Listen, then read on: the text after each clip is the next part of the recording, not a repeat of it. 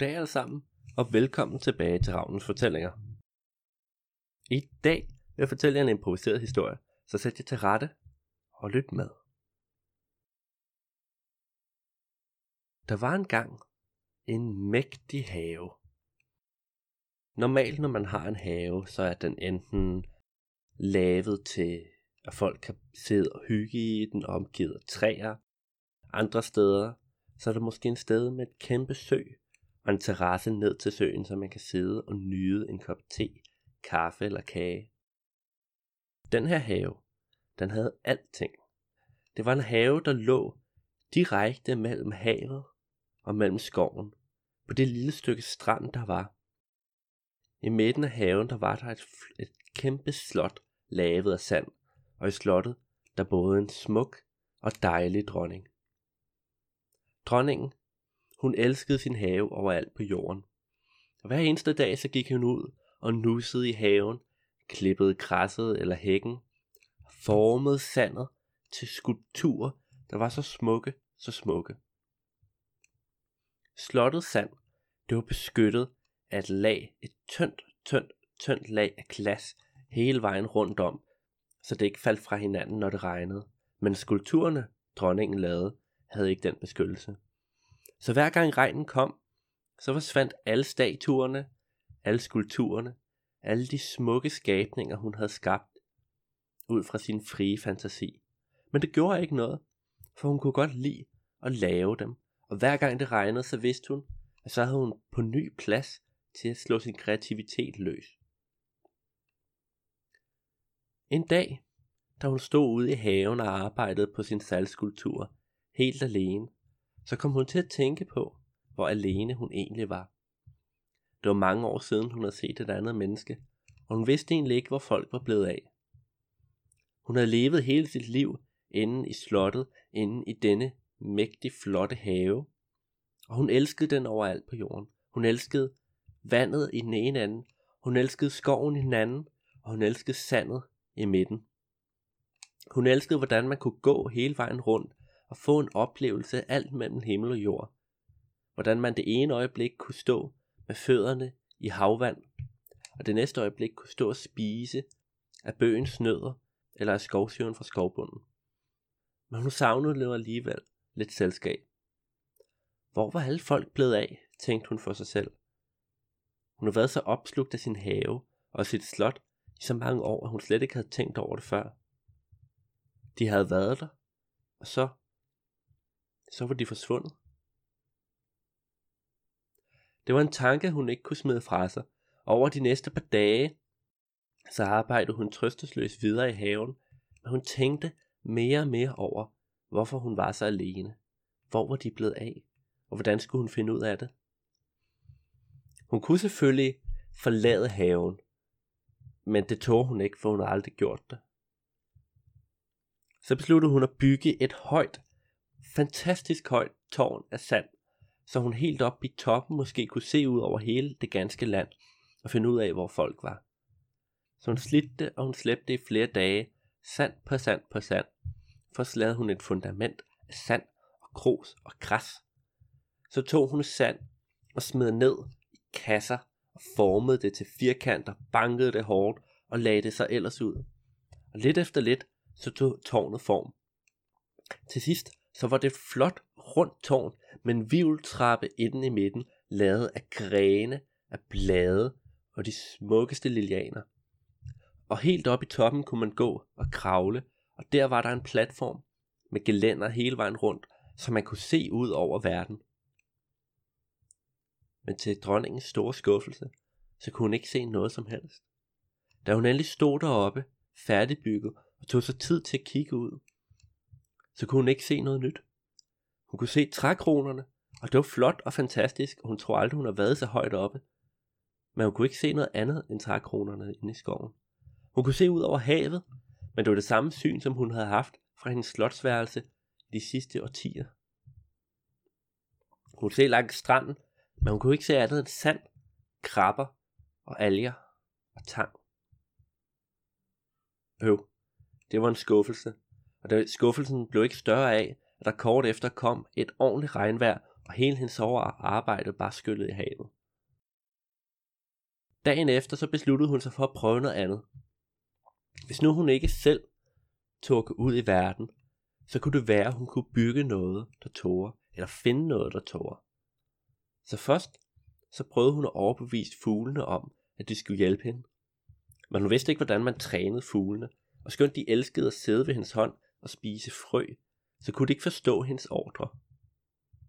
Så prøvede hun at få hjælp af ærnet, men ærnet var altid sky og skyndte sig op i det nærmeste træ, når hun nærmede sig. Hun prøvede også at tale med krævlingen og med reven og med tusen, men der var ingen af dem, der forstod den simple besked. Gå ud og finde ud af, hvor folk er blevet af.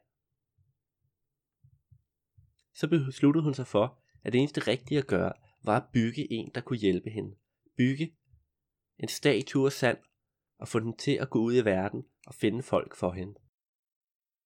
Så hun byggede, og hun byggede, og hun byggede. Så blev det regnvejr, og hele arbejdet blev skyllet ud i havet.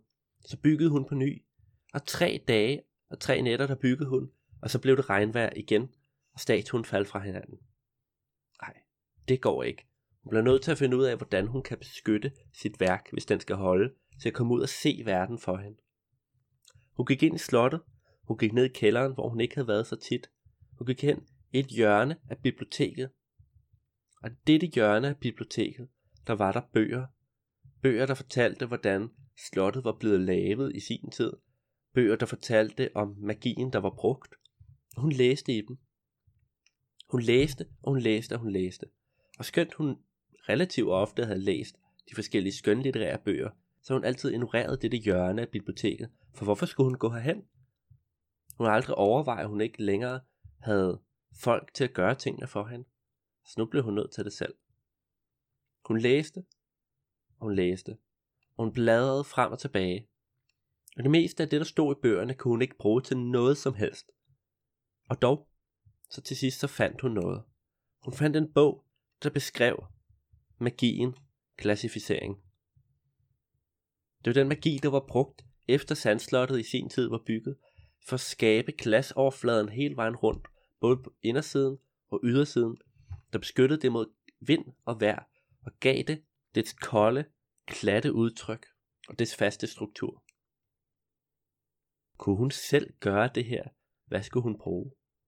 Der stod ikke noget om, at man skulle være troldmænd eller troldkvinder for at bruge den magi, så hun tænkte, at hun ville prøve. Hun tog bogen op, gik op af kælderen, ud i haven, hvor hun stod. Hun havde lavet en lille sandskulptur, kun en lille en. Det var ikke den, hun ville bruge til at sende ud i verden, men hun tænkte, hun blev nødt til at starte et sted. Så hun kiggede på sin lille skulptur, og så sagde hun de magiske trylleord, der stod i bogen. Og der skete ikke noget som helst. Hm. Måske manglede hun noget. Hun bladrede lidt frem og tilbage, og så at det så ud som om hun skulle bruge nogle forskellige genstande, der stod rundt om statuen. Okay. Så ledte hun i kælderen, hun ledte, ledte i stuen, og på første sal, på anden sal, på tredje sal, og på fjerde sal, og på femte sal, og på sjette sal, og på syvende sal, og på ottende sal, og på niende sal, helt op i toppen af det kæmpe store slot. Og hun fandt ikke noget. Helt op i toppen, der kiggede hun ud af vinduet, sukkede trist. Og der kom der en fugl flyvende forbi. Det var en fugl, hun havde set mange gange. Hun vidste, den levede i haven. Og den kiggede på hende med et spørgende blik.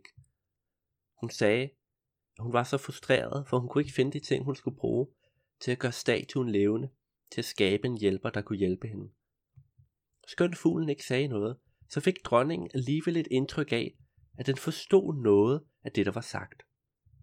Fordi pludselig så lettede den og fløj meget målrettet ind i rummet, ned ad trappen og sted, og dronningen fulgte lige efter. Først så brokkede hun sig over fuglen og fløj ind. Det skulle den ikke. Men til sidst så fulgte hun bare efter, nysgerrig over, hvor hun ville havne. Og den fløj helt ned, tilbage i kælderen, hvor hun var startet. Og så fløj den hen til en væg og kiggede på væggen. Hvad var der med dette væg, siden fuglen fløj herhen? Dronningen gik hen, mærket på væggen. Hun syntes overfladen virkede en smule mere ru end resten. Så bankede hun på, og hun kunne høre, at væggen gav en lyd fra sig, en lyd, der lød hult og anderledes end resten af slottets vægge. Så prøvede hun at skubbe det ene sted på væggen, og der skete ikke noget. Så prøvede hun at skubbe det andet sted på væggen, og der skete heller ikke noget. Men til sidste sted hun skubbede, der hørte hun et ordentligt og væggen gav efter. Hun skubbede og fandt ud af, at det her det var ikke nogen glasvæg. Det her det var en trævæg med svagt glat overflade, så den skulle ligne resten. Inde bagved, der var der et kammer, og inde i det kammer, der stod der alverdens mystiske ting. Der var flasker med øjne, der var flasker med hele salamander, der lå i. Og der var kolber med alt muligt væske, der var fuldstændig udefinerbart. Fra loftet der hang der hvidløg i lange snore, og en udtørret krisenæse og øre. Det var et meget mærkeligt kammer. Men inde i dette kammer, der følte dronningen, at hun ville finde, hvad hun ledte efter. Så hun ledte i flere timer, og til sidst, så fandt hun det også. Hun skulle bruge tungen fra en kameleon, et glasøje af den fineste slags, og et billede af tusind folk. Og hun fandt disse tre ting, både glasøjet, billedet og tungen, inde i kammeret. Hun tog det op, ud i haven, og blev mødt med regnvejr. Og hendes figur var gået fra hinanden. Suk. Så blev hun nødt til at vente. Hun gik indenfor, lavede sig en kop te og ventede. Da regnen dagen efter var stoppet, og det var blevet godt vejr igen, så gik hun ud og med det halvvåde sand byggede en skulptur. Nu havde hun jo tingene, og hun stolede på, at det ville virke, så hun gad ikke engang at lave en lille figur. Hun byggede en stor skulptur i menneskestørrelse fra starten af. Hun lavede det som en blanding af en flot mand og en flot dame. Udefinerbar, men alligevel så fuldstændig fantastisk smuk. Og så satte hun de tre genstande rundt om i en trekant. Billedet mod nord, øjet mod sydvest og tungen mod sydøst. Så sagde hun de magiske trylleord for klassemagien. Og så kom der pludselig en enorm stor sort sky flyvende. Åh oh, nej, tænkte hun, skal skyen nu til at regne og ødelægge mit værk, nu hvor jeg er kommet så langt? Men der kom ingen regn, på trods af verden, hele himlen blev sort. Skyen samlede sig, blev tættere og tættere, og til sidst så slog der et lyn direkte ned foran dronningen, lige ned i statuen.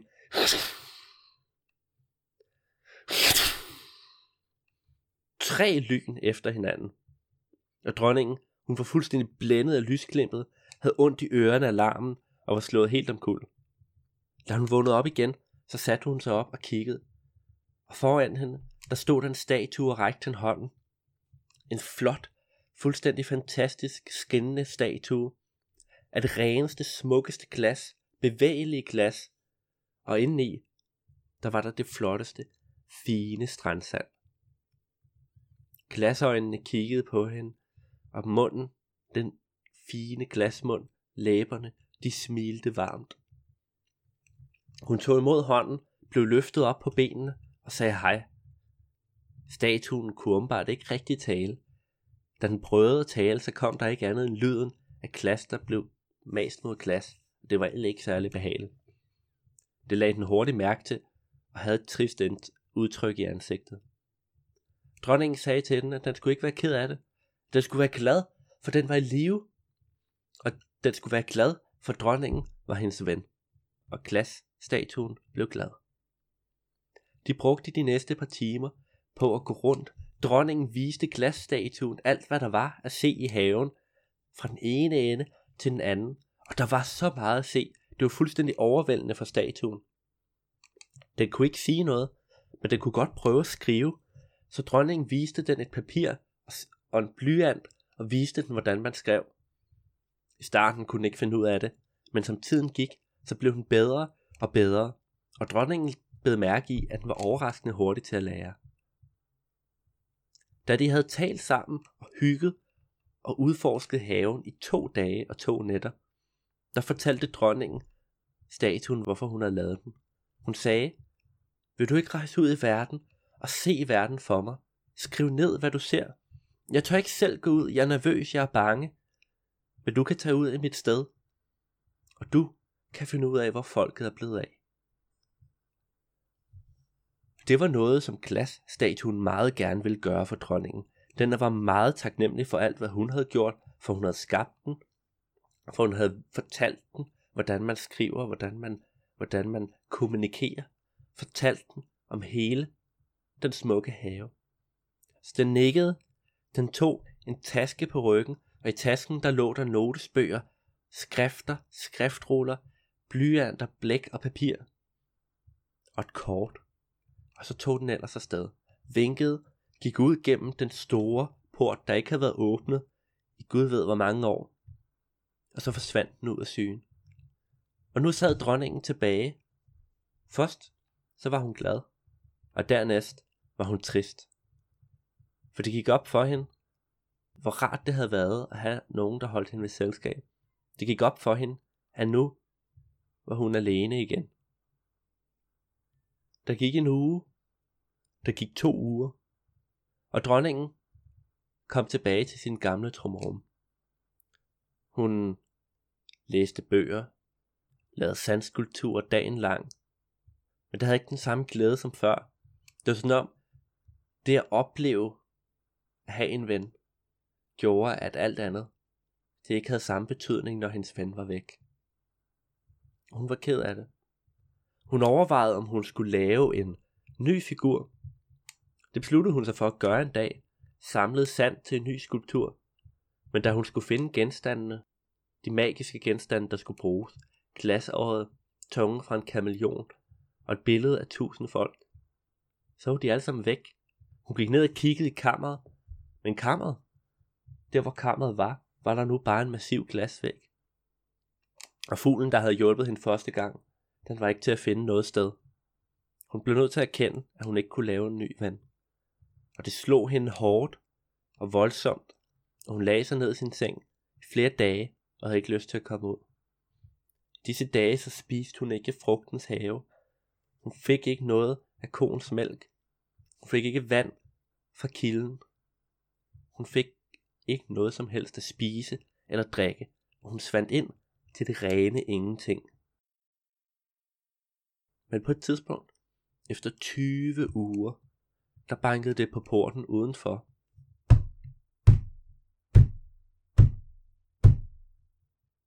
Hvad var det? Hvem kunne det være? Der var aldrig nogen, der havde banket på porten før. Dronningen, hun kæmpede sig ud af sin seng.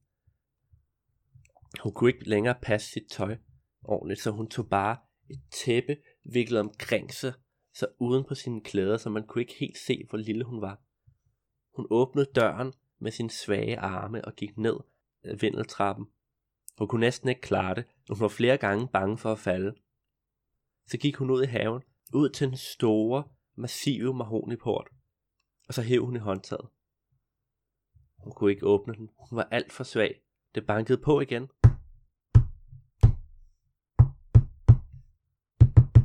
Mere utålmodigt hver gang.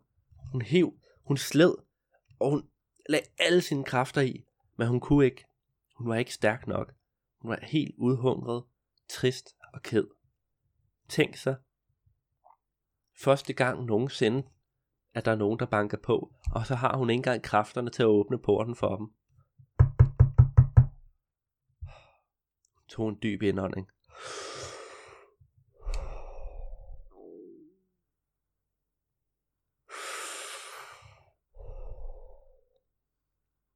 Samlede alle sine kræfter, alle de få kræfter, hun havde tilbage.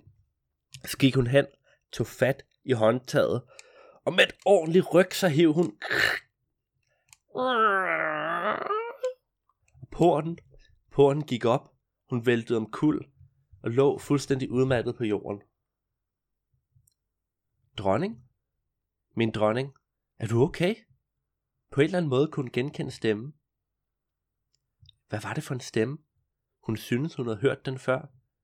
Hun kiggede op og så glasstatuen besvare hendes blik bekymret. Den gik hen, rakte hende hånden igen og samlede hende op og spurgte, hvad der dog var sket. Og dronningen, hun kunne slet ikke sige noget. Hun krammede bare statuen og sagde tak, fordi hun var kommet tilbage igen. Og hvordan er det dog, du har lært at tale? Det er en lang historie, fortalte glasstatuen. Men nu, nu skal du ud og se noget. Nej, jeg kan da ikke, jeg kan da ikke forlade haven. Jo, kom, tag min hånd, kom med. Statuen tog dronningens hånd og hæv hende lige så forsigtigt og stille med. Og det var ikke særlig svært, for dronningen var så svag, så svag, at hun kunne nærmest ikke gøre modstand, skønt hun ikke tåre forlade sin have. De tog et skridt ud af porten, to skridt, tre skridt, og det var tre skridt længere, end dronningen kunne huske, hun nogensinde havde været uden for sin have. Så tog de fire skridt mere og fem skridt, og de gik op af en lille bakke. Op af en lille græsfyldt bakke. Og så kiggede de ned, og synet var så overvældende, så fantastisk. Neden for bakken, der stod der tusindvis af mennesker. Og da de så dronningen, så begyndte de alle sammen at juble af glæde og spænding. Og dronningen var helt overvældet. Var det? Er det mit folk? spurgte hun, overvældet til statuen. Og statuen, den kiggede bare på hende og sagde ja, det er dit folk, og de har savnet dig. Og dronningen og statuen gik sammen ned til folket.